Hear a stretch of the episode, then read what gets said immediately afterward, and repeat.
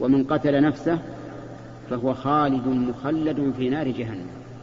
أبد الآبدين كما جاء في الحديث عن النبي عليه الصلاة والسلام. لأن هذا قتل نفسه لا في مصلحة الإسلام لأنه إذا قتل نفسه وقتل عشرة أو مئة أو مئتين لم ينتفع الإسلام بذلك لم يسلم الناس. بخلاف قصة الغلام فإن فيها إسلام كثير كل اللي حضروا في هذا الصعيد أسلموا. أما أن يموت عشرة أو عشرون أو مئة أو مئتان من العدو فهذا لا يقتضي أن يسلم الناس. بل ربما يتعنت العدو أكثر ويوغر صدره هذا العمل حتى يفتك بالمسلمين أشد فتكا. كما يوجد من صنع اليهود مع أهل فلسطين. فإن أهل فلسطين إذا مات الواحد منهم بهذه التفجرات وقتل ستة أو سبعة أخذوا من جراء ذلك ستين نفرا أو أكثر. فلم يحصل في ذلك نفع للمسلمين ولا انتفاع للذين فجر فجرت هذه المتفجرات في صفوف في صفوفهم. ولهذا نرى أن ما يفعله بعض الناس من هذا الانتحار نرى أنه قتل للنفس بغير حق وأنه موجب لدخول النار والعياذ بالله وأن صاحبه ليس بشهيد. لكن إذا فعل الإنسان هذا متأولا ظانا أنه جائز فإننا نرجو أن يسلم من الإثم. وأما أن تكتب له الشهادة فلا لأنه لم يسلك طريق الشهادة لكنه يسلم من الإثم لأنه متأول ومن اجتهد فأخطأ فله أجر. وسيأتي إن شاء الله بقية الكلام على الحديث. قال رحمه الله تعالى فأتي الملك فقيل له أرأيت ما كنت تحذر؟ قد والله نزل بك حذرك. قد آمن الناس فأمر بالأخدود بأفواه السكك فخدت. فأضرم فيها النيران وقال من لم يرجع عن دينه فأقحموه فيها أو قيل له اقتحم ففعلوا حتى جاءت امرأة ومعها صبي لها. فتقاست أن تقع فيها فقال لها الغلام يا أم اصبري فإنك على الحق. رواه مسلم. بسم الله الرحمن الرحيم. في خاتمة هذا الحديث العظيم الذي فيه العبرة لمن اعتبر فيه أن الملك الكافر الذي يدعو الناس إلى عبادته. لما آمن الناس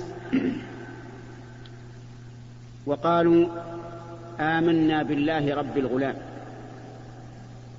جاءه أهل, أهل الشر وأهل, وأهل الحقد على الإيمان وأهله وقالوا له أيها الملك إنه وقع ما كنت تحذر منه.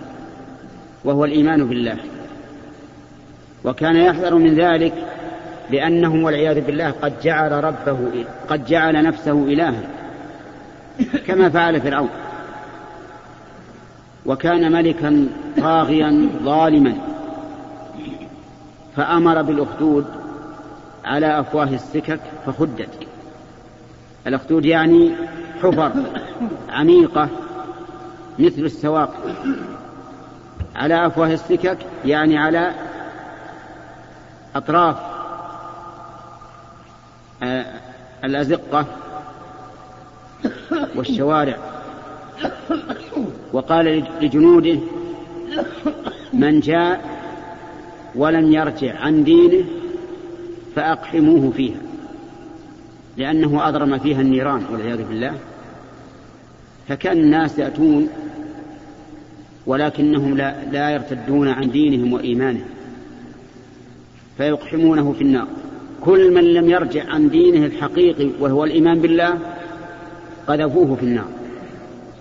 ولكنهم إذا قذفوه في النار واحترقوا بها فإنهم ينتقلون من دار الغرور والبوار إلى دار النعيم والاستقرار. لأن الملائكة تتوفاهم طيبين يقولون سلام عليكم ادخلوا الجنة بما كنتم تعملون. ولا أعظم من هذا الصبر أن يرى الإنسان النار تتأجج فيقتحم فيها خوفا على إيمانه وصبرا عليه. فجاءت امرأة ومعها صبي صبي رضيع. فلما رأت النيران كأنها تقاعست. أن تلتحم النار هي وطفلها؟ فقال لها الطفل يا أماه اصبري فإنك على الحق. يقول وهو صغير ما يتكلم لكن أنطقه الله الذي أنطق كل شيء. وهو كرامة لهذه الأم. أن الله أنطق ابنها من أجل أن تقوى على أن تقتحم النار وتبقى على إيمانها لأن تكلم هذا الصبي في المهد آية عظيمة. وقد شهد هذا الصبي بأن أمه على الحق فصبرت واقتحمت النار. وهذا من آيات الله. وهو دليل على أن الله تعالى ينجي الذين اتقوا بمفازتهم لا يمسهم السوء. مريم بنت عمران رضي الله عنها خرجت من أهلها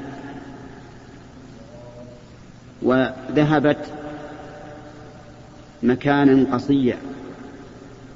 وهي حامل بابنها عيسى الذي خلقه الله تعالى بكلمة كن. فكان فأجاءها المخاض إلى جذع النخلة. يعني الطلق فوضعت تحت جذع النخلة. وجعل الله تحتها نهرا يمشي. فقيل لها هزي إليك بجذع النخلة تساقط عليك رطبا جنيا. رطب يقع من فرع النخلة جنيا لم يتأثر بسقوطه على الأرض. وهذا من آيات الله لأن المعروف أن الرطبة إذا سقطت ولو من, من الإنسان ولو كان واقفا فقط تمزقت لكن هذه الرطب لم لم تتمزق مع أنها تسقط من فرع النخلة.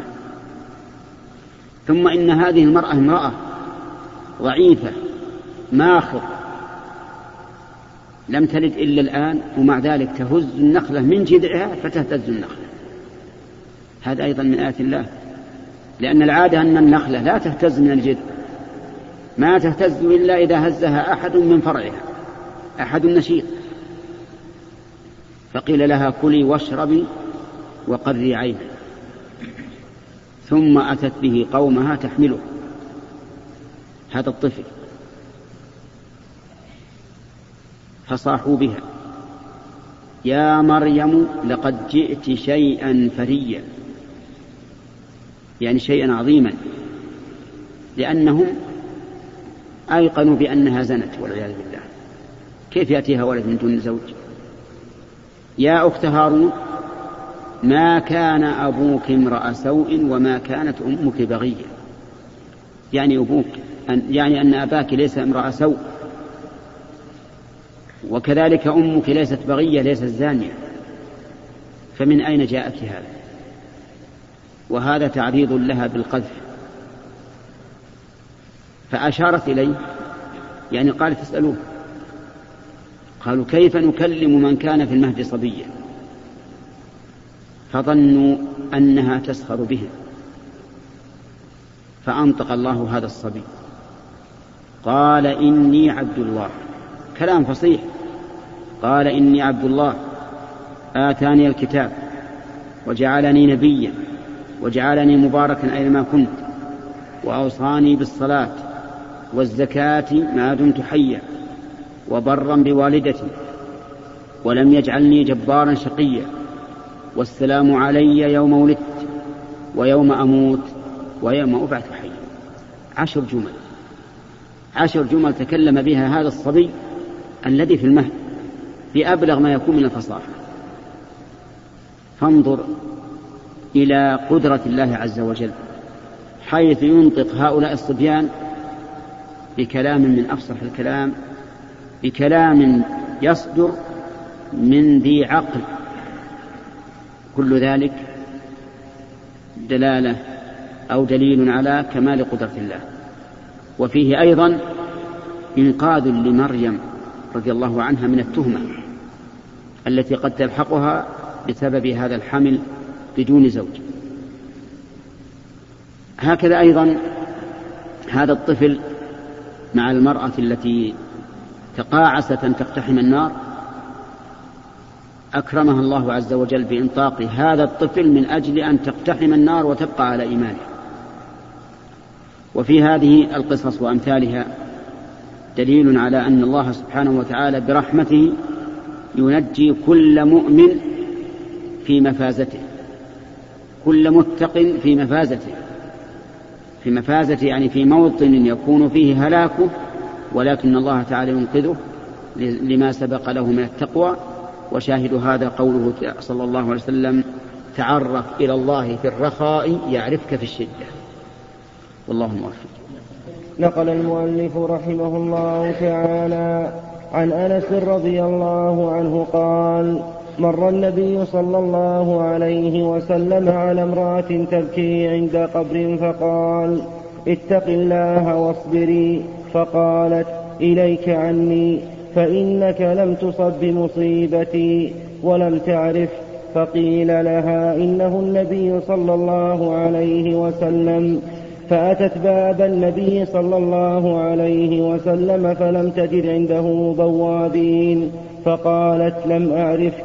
فقال إنما الصبر عند الصدمة الأولى متفق عليه. وفي رواية لمسلم تبكي على صبي لها. رحمه الله تعالى فيما نقله عن أنس بن مالك رضي الله عنه أن النبي صلى الله عليه وسلم مر بامرأة وهي عند قبر قبر صبي لها. قد مات وكانت تحبه حبا شديدا فلم تملك نفسها أن تخرج إلى قبره لتبكي عنده. فلما رآها النبي صلى الله عليه وسلم أمرها بتقوى الله والصبر. قال لها اتق الله واصبري. فقالت له إليك عني فإنك لم تصب بمثل مصيبتي. يعني إليك عني أبعد عني فإنك لم تصب بمثل مصيبتي. وهذا يدل على أن المصيبة قد بلغت منها مبلغا كبيرا. فانصرف النبي صلى الله عليه وسلم عنها. ثم قيل لها إن هذا رسول الله صلى الله عليه وسلم. فندمت وجاءت إلى رسول الله صلى الله عليه وسلم إلى بابه. وليس وليس على الباب بوابون. يعني ما ليس عنده أحد يمنع الناس من الدخول عليه صلى الله عليه وسلم. فأخبرته وقالت إنني لم أعرفك. فقال النبي صلى الله عليه وسلم إنما الصبر عند الصدمة الأولى. الصبر الذي يثاب عليه الإنسان هو أن يصبر عند الصدمة الأولى أول ما تصيبه المصيبة. هذا هو الصبر. أما الصبر فيما بعد ذلك فإن هذا قد يكون تسليا كما تتسلى البهائم. فالصبر حقيقة أن الإنسان إذا صدم أول ما يصطم يصبر ويحتسب. ويحسن أن يقول إنا لله وإنا إليه راجعون. اللهم أجرني في مصيبتي وأخلف لي خيرا منها. ففي هذا الحديث عدة فوائد. أولا حسن خلق النبي صلى الله عليه وسلم ودعوته إلى الحق وإلى الخير فإنه لما رأى هذه المرأة تبكي عند القبر أمرها بتقوى الله والصبر ولما قالت إليك عني لم ينتقم لنفسه ولم يضربها ولم يقم ولم يقمها بالقوة لأنه عرف أنه أصابها من الحزن ما لا تستطيع أن تملك نفسها. ولهذا خرجت من بيتها لتبكي عند هذا القبر. فإن قال قائل أليست زيارة القبور حراما على النساء؟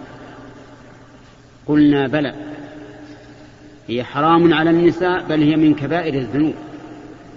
لأن النبي صلى الله عليه وسلم لعن زائرات القبور والمتخذين عليه المساجد والسرور. لكن هذه لم تخرج للزيارة وإنما خرجت لما في قلبها من لوعة فراق هذا الصبي والحزن الشديد. لم تملك نفسها أن تأتي. ولهذا عذرها النبي عليه الصلاة والسلام ولم يقمها بالقوة ولم يجبرها على أن ترجع إلى بيتها. ومنها من الفوائد هذا الحديث أن الإنسان يعذر بالجهل سواء كان جهلا بالحكم الشرعي أم بالحال. فإن هذه المرأة قالت للنبي صلى الله عليه وسلم إليك عني أبعد عني مع أنه يأمرها بالخير وبالتقوى والصبر لكنها لم تعرف أنه رسول الله صلى الله عليه وسلم فلهذا عذرها النبي عليه الصلاة والسلام. ومنها أنه لا ينبغي للإنسان المسؤول عن حوائج المسلمين أن يجعل على بيته بوابا يمنع الناس. إذا كان الناس يحتاجون إليه. إلا إذا كان الإنسان يخشى من كثرة الناس وإرهاق الناس وإشغال الناس عن شيء يمكنهم أن يتداركوا شغلهم في وقت آخر. فهذا لا بأس به. وما جعل الاستئذان إلا من أجل النظر ومن أجل أن الإنسان يتصرف في بيته في إدخال من شاء ومنع من شاء. ومن فوائد هذا الحديث أن الصبر الذي يحمد فاعله هو الصبر الذي يكون عند الصدمة الأولى. يصبر الإنسان ويحتسب ويعلم أن لله ما أخذ وله ما أعطى وأن كل شيء عنده بأجل مسمى. ومنها من فوائد هذا الحديث أن البكاء عند القبر ينافي الصبر. ولهذا قال لها الرسول صلى الله, صلى الله عليه وسلم اتق الله واصبر. ويوجد من الناس من يبتلى فإذا مات له ميت صار يتردد على قبره ويبكي عنده. وهذا ينافي الصبر. بل نقول إذا شئت أن تنفع هذا الميت فادعو الله له وأنت في بيته. ولا حاجة أن تتردد على القبر لأن التردد على القبر يجعل الإنسان يتخيل هذا الميت دائما في ذهنه ولا يغيب عنه وحينئذ لا ينسى المصيبة أبدا. مع أن الأفضل للإنسان أن يتلهى وأن ينسى المصيبة بقدر ما يستطيع. والله موفق. نقل المؤلف رحمه الله تعالى عن أبي هريرة رضي الله عنه أن رسول الله صلى الله عليه وسلم قال يقول الله تعالى ما لعبدي المؤمن عندي جزاء إذا قبضت صفيه من أهل الدنيا ثم احتسبه إلا الجنة. رواه البخاري. بسم الله الرحمن الرحيم. قال المؤلف رحمه الله تعالى فيما نقله عن أبي هريرة رضي الله عنه عن رسول الله صلى الله عليه وسلم أنه قال فيما يرويه عن ربه عز وجل ما لعبد المؤمن إذا قبضت صفيه من الدنيا ثم احتسب احتسبه جزاء إلا الجنة.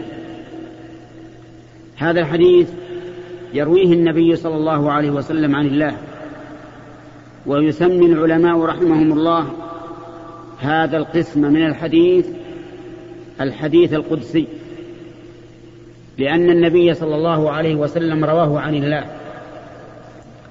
قال الله تعالى ما لعبد المؤمن جزاء إذا قبضت صفيه من الدنيا ثم احتسبه إلا الجنة. الصفي من يصطفيه الإنسان ويختار من ولد أو أخ أو عم أو أب أو أم أو صديق. المهم الذي يصطفيه الإنسان ويختاره ويرى أنه ذو صلة فيه قوية إذا أخذه الله عز وجل ثم احتسبه الإنسان فليس له جزاء إلا الجنة. ففي هذا دليل على فضيلة الصبر على قبض الصفي من الدنيا وأن الله عز وجل يجازي الإنسان إذا احتسب يجازيه الجنة. وفيه دليل على فضل الله سبحانه وتعالى وكرمه على عباده. فإن الملك ملكه والأمر أمره. وأنت وصفيك وصفيك كلكم كلاكما لله عز وجل. ومع ذلك فإذا قبض الله صفي الإنسان واحتسب فإنه له, له هذا هذا الجزاء العظيم. وفي هذا الحديث أيضا من الفوائد الإشارة إلى أفعال الله. إذا قبضت صفيه ولا شك أن الله سبحانه وتعالى فعال لما يريد. ولكن يجب علينا أن نعلم أن فعل الله تعالى كله خير. لا ينسب الشر إلى الله أبدا. والشر إذا وقع فإنما يقع في المفعولات ولا يقع في الفعل.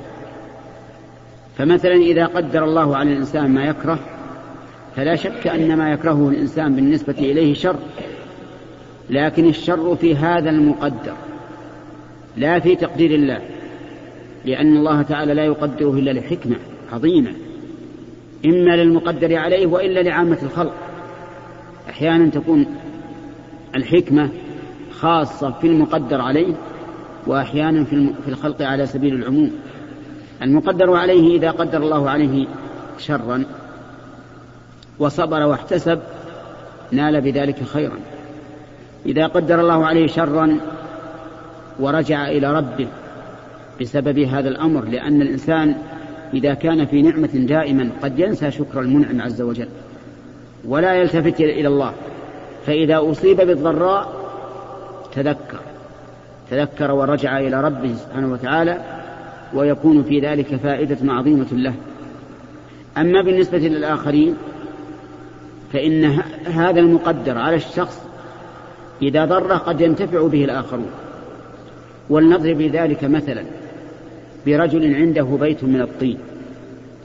أرسل الله مطرا غزيرا. دائما. فإن صاحب هذا البيت يتضرر. لكن المصلحة العامة للناس مصلحة ينتفعون بها. فصار هذا خيرا على شخص شرا على شخص وخيرا على لآخرين. ومع ذلك فكونه شرا لهذا الشخص أمر نسبي. إذ أنه شر من وجه لكنه خير له من وجه آخر. يتعظ يتعظ ويعلم أن أن الملجأ هو الله عز وجل. لا ملجأ إلا إليه. فيستفيد من هذا فائدة أكبر مما حصل له من المضرة. المهم أن هذا الحديث ذكره المؤلف رحمه الله في باب الصبر لأن فيه فائدة عظيمة فيما إذا صبر الإنسان على قبض الله سبحانه وتعالى لصفيه أنه ليس له جزاء إلا الجنة. والله موفق. قال رحمه الله تعالى وعن عائشة رضي الله عنها أنها سألت رسول الله صلى الله عليه وسلم عن الطاعون. فأخبرها أنه كان عذابا يبعثه الله تعالى على من يشاء فجعله الله رحمة للمؤمنين فليس من عبد يقع في الطاعون فيمكث في بلدي صابرا محتسبا يعلم أنه لا يصيبه إلا ما, إلا ما كتب الله له. إلا كان له مثل أجر الشهيد رواه البخاري. وعن أنس رضي الله عنه قال سمعت رسول الله صلى الله عليه وسلم يقول إن الله عز وجل قال إذا ابتليت عبدي بحبيبتين فصبر عوضته منهما الجنة. يريد عيني رواه البخاري. بسم الله الرحمن الرحيم. نقل المؤلف رحمه الله تعالى فيما نقله من الأحاديث الواردة في الصبر حديث عائشة وحديث أنس بن مالك رضي الله عنه. أما حديث عائشة فإن النبي صلى الله عليه وسلم أخبر أن الطاعون رجز يعني عذاب أرسله الله سبحانه وتعالى على من شاء من عباده. والطاعون قيل إنه وباء معين وقيل إنه كل وباء عام. يحل بالأرض فيصيب أهلها ويموت الناس منه. وسواء كان معينا أم أم كل وباء عام مثل الكوليرا وغيرها فإن هذا الطاعون رجز عذاب أرسله الله عز وجل. ولكنه رحمة للمؤمن إذا نزل بأرضه وبقي فيها صابرا محتسبا يعلم أنه لا يصيبه إلا ما كتب الله له فإن الله تعالى يكتب له مثل أجر الشهيد. ولهذا جاء في الحديث الصحيح عن النبي صلى الله عليه وسلم أننا إذا سمعنا بالطاعون في أرض فإننا لا نقدم عليها لأن الإقدام عليها إلقاء بالنفس إلى التهلكة ولكنه إذا وقع في أرض فإننا لا نخرج منها فرارا منه. لأنك مهما فررت من قدر الله إذا نزل بالأرض فإن هذا الفرار لن يغني عنك من الله شيئا. واذكر قصة الله القصة التي قصها الله علينا. الذين خرجوا من ديارهم وهم ألوف حذر الموت.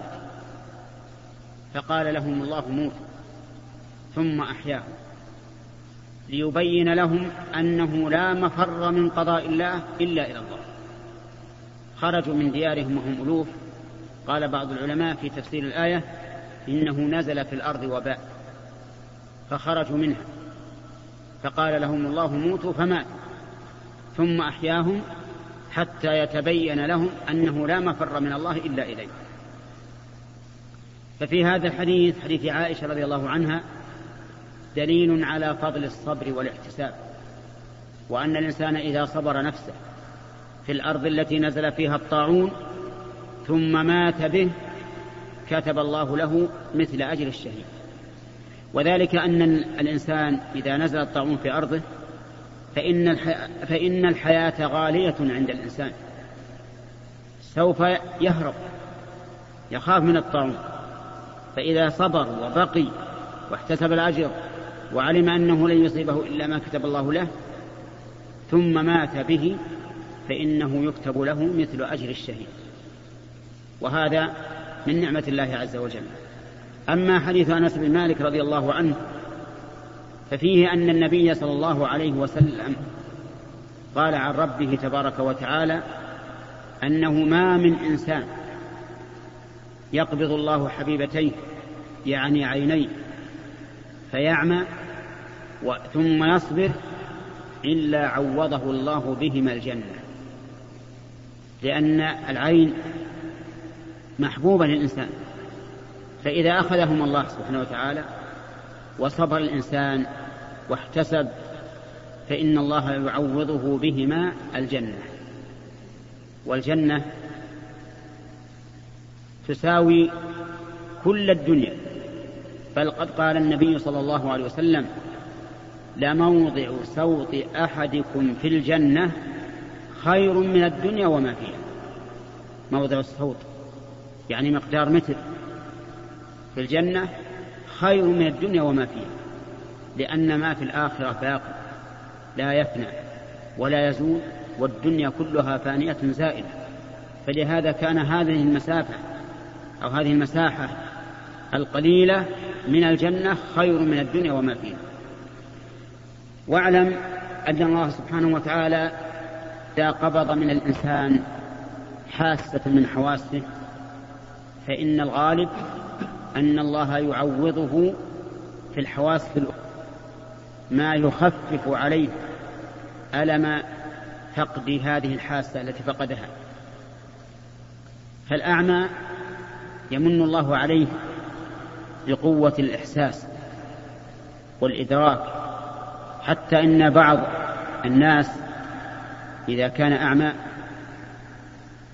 تجده في السوق يمشي وكأنه مبصر يحس بالمنعطفات في الأسواق ويحس بالمنحدرات وبالمرتفعات حتى إن بعضهم يتفق مع صاحب السيارة التي يسمونها التاكسي يركب معه من أقصى البلد إلى بيته وهو يقول لصاحب السيارة تياما تياسا حتى يوقفه عند بابه. وصاحب السيارة ما يدل البيت لكن هذا يدل البيت وهو راكب سبحان الله فالله عز وجل إذا اقتضت حكمته أن يفقد أحدا من عباده حاسة من الحواس فالغالب أن الله تعالى يخلف عليه حاسة قوية وإدراكا قويا يعوض بعض ما فاته مما أخذه الله منه. والله موفق. قال رحمه الله تعالى وعن عطاء بن أبي رباح قال قال لابن عباس رضي الله عنهما ألا أريك امرأة من أهل الجنة ألا أريك امرأة من أهل الجنة؟ فقلت بلى. قال هذه المرأة السوداء أتت النبي صلى الله عليه وسلم. فقالت إني أصرع وإني أتكشف. فادعوا الله تعالى لي. قال إن شئت صبرت ولك الجنة. وإن شئت دعوت الله تعالى أن يعافيك. فقالت أصبر. فقالت إني أتكشف. فادعوا الله ألا أتكشف. فدعا لها. متفق عليه.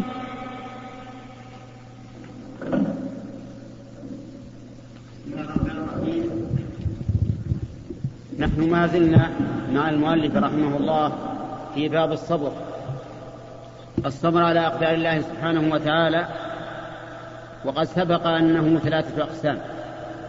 من ذلك أي من الصبر على أقدار الله ما نقله المؤلف رحمه الله عن عطاء بن أبي رباح رضي الله عنه رحمه الله عن عطاء بن أبي رباح رحمه الله أن ابن عباس رضي الله عنهما قال له ألا أريك امرأة من أهل الجنة يعرض عليه أن يريه امرأة من أهل الجنة. وذلك لأن أهل الجنة ينقسمون إلى قسمين. قسم نشهد لهم بالجنة بأوصافهم وقسم نشهد لهم بالجنة بأعيانهم. أما الذين نشهد لهم بالجنة بأوصافهم فكل مؤمن كل متقي فإننا نشهد له بأنه من أهل الجنة. كما قال الله سبحانه وتعالى في الجنة أعدت للمتقين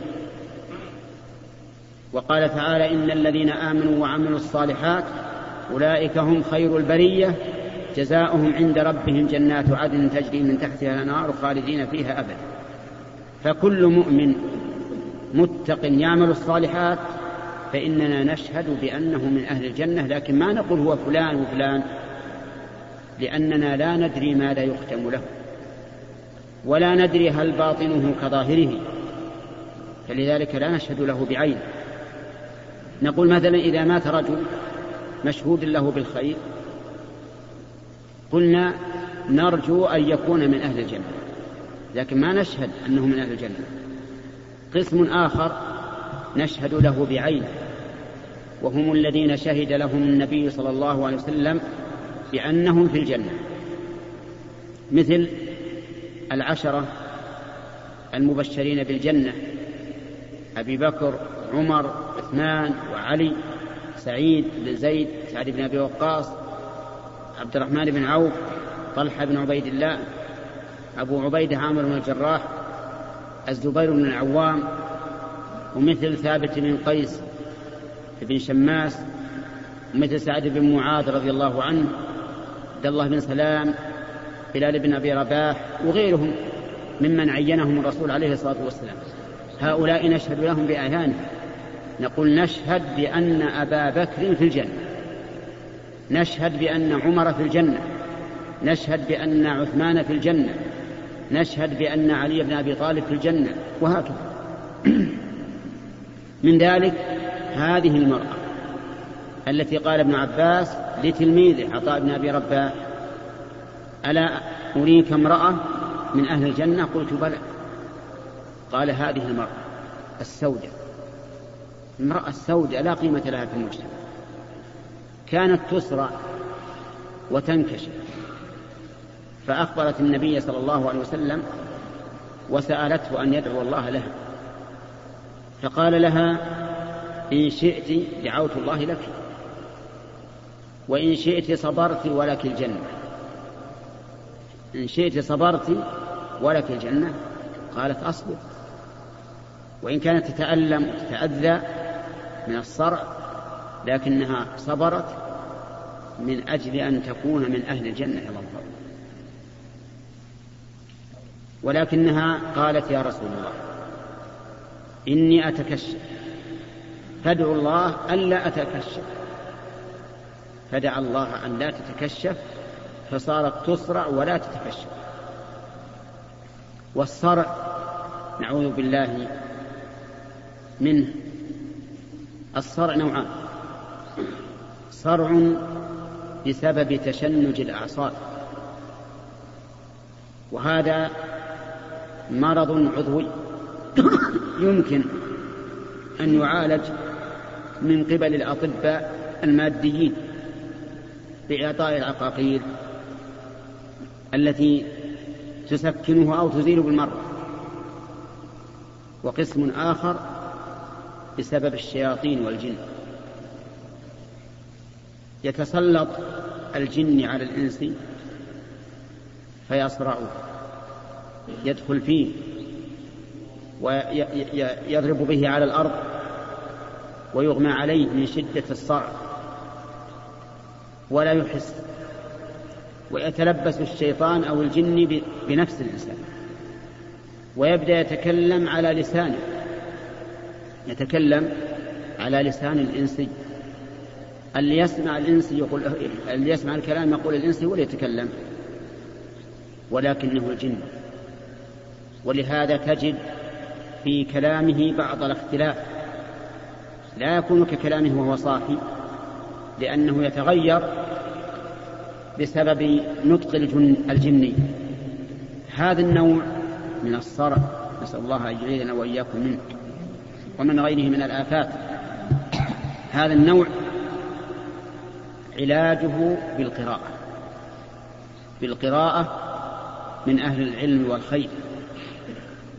يقرؤون على هذا المسرور أحيانا يخاطبهم الجن ويتكلم معهم ويبين السبب الذي جعله يصرع هذا الإنس وأحيانا ما يتكلم.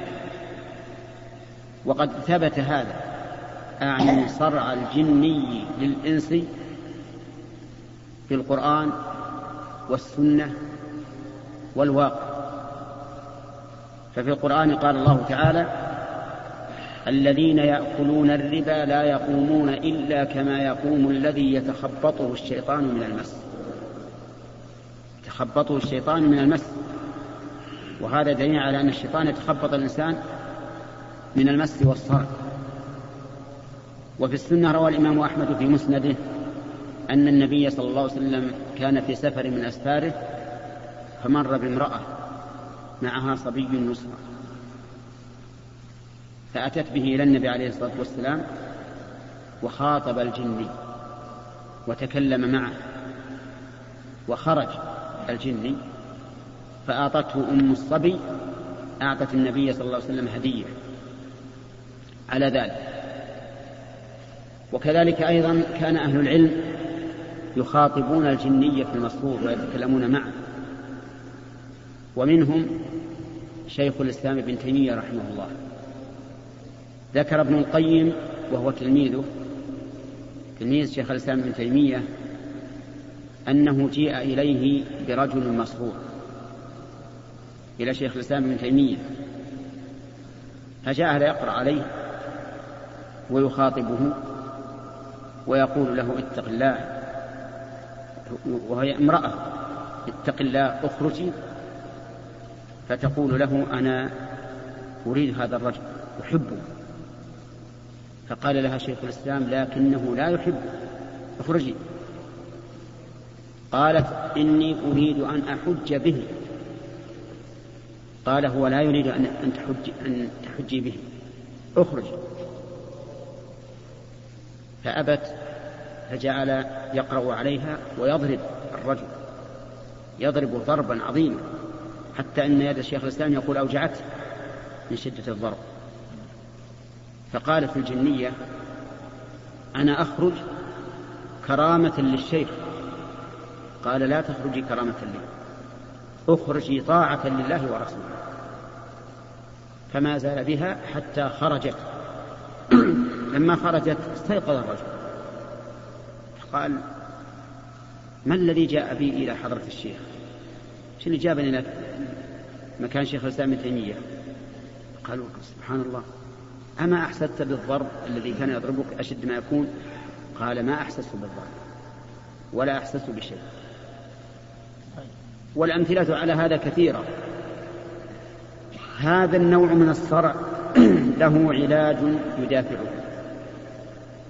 وله علاج يرفعه. علاجه نوعان دفع ورفع. أما دفعه فأن يحرص الإنسان على الأوراد الشرعية الصباحية والمسائية. وهي معروفة في كتب أهل العلم. منها آية الكرسي فإن من قرأها في ليلة لم يزل عليه من الله حافظ ولا يقربه شيطان حتى يصبح ومنها قل هو الله أحد قل أعوذ برب الفلق قل أعوذ برب الناس. ومنها أحاديث وردت عن النبي عليه الصلاة والسلام. فليحرص الإنسان عليها صباحا ومساء فإن ذلك من أسباب دفع أذية الجن. وأما الرفع فهو إذا وقع في الإنسان فإنه يقرأ عليه آيات من القرآن تخويف وتحذير واستعاذة بالله عز وجل. حتى الشاهد من هذا الحديث قول النبي صلى الله عليه وسلم لهذه المرأة إن شئت صبرت ولك الجنة فقالت أصبر ففي هذا دليل على فضيلة الصبر وأنه سبب لدخول الجنة. والله أكبر قال رحمه الله تعالى وعن أبي عبد الرحمن عبد الله بن مسعود رضي الله عنه قال كأني أنظر إلى رسول الله صلى الله عليه وسلم يحكي نبيا من الأنبياء صلوات الله وسلامه عليهم. ضربه قومه فأدموا وهو يمسح ضربه قومه فأدموا وهو يمسح ضربه قومه فأدموه وهو يمسح الدماء وجهه وهو يقول اللهم اغفر لقومي فإنهم لا يعلمون. متفق عليه. بسم الله الرحمن الرحيم. قال المؤلف رحمه الله تعالى فيما نقله عن أبي عبد الرحمن عبد الله بن مسعود رضي الله عنه. قال كأني أنظر إلى رسول الله صلى الله عليه وسلم وهو يحكي نبيا من الأنبياء. غربه قومه فأدموه فجعل يمسح الدم عن وجهه وهو يقول اللهم اغفر لقومي فإنهم لا يعلمون. أخي الكريم